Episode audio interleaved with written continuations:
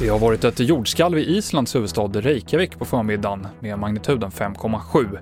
Det finns inga rapporter om skadade personer och det bör inte heller leda till skador på byggnader, men föremål kan ramla ur hyllor. Det säger den isländska polisens civilskydd till tidningen Morgonbladet. Den tyska tullen har gjort det största kokainbeslaget hittills i Europa. 16 ton som låg dolt i containrar från Paraguay i hamnen i Hamburg. Det här knarket hade inbringat flera miljarder euro om det sålts på gatan, skriver tullen i ett uttalande. SSAB ska utreda vad det var som fick delar av taket att rasa in igår kväll på fabriken i Luleå. Det här ledde till totalstopp i produktionen, som nu går på halvfart tills en utredning har gjorts. Och Ukraina har idag inlett sitt vaccineringsprogram mot covid-19. Regeringen har fått mycket kritik för att ha tagit så lång tid.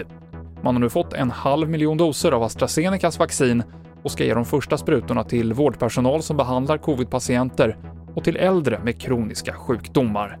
25 000 personer i Ukraina har dött med covid-19. TV4-nyheterna med Mikael Klintevall.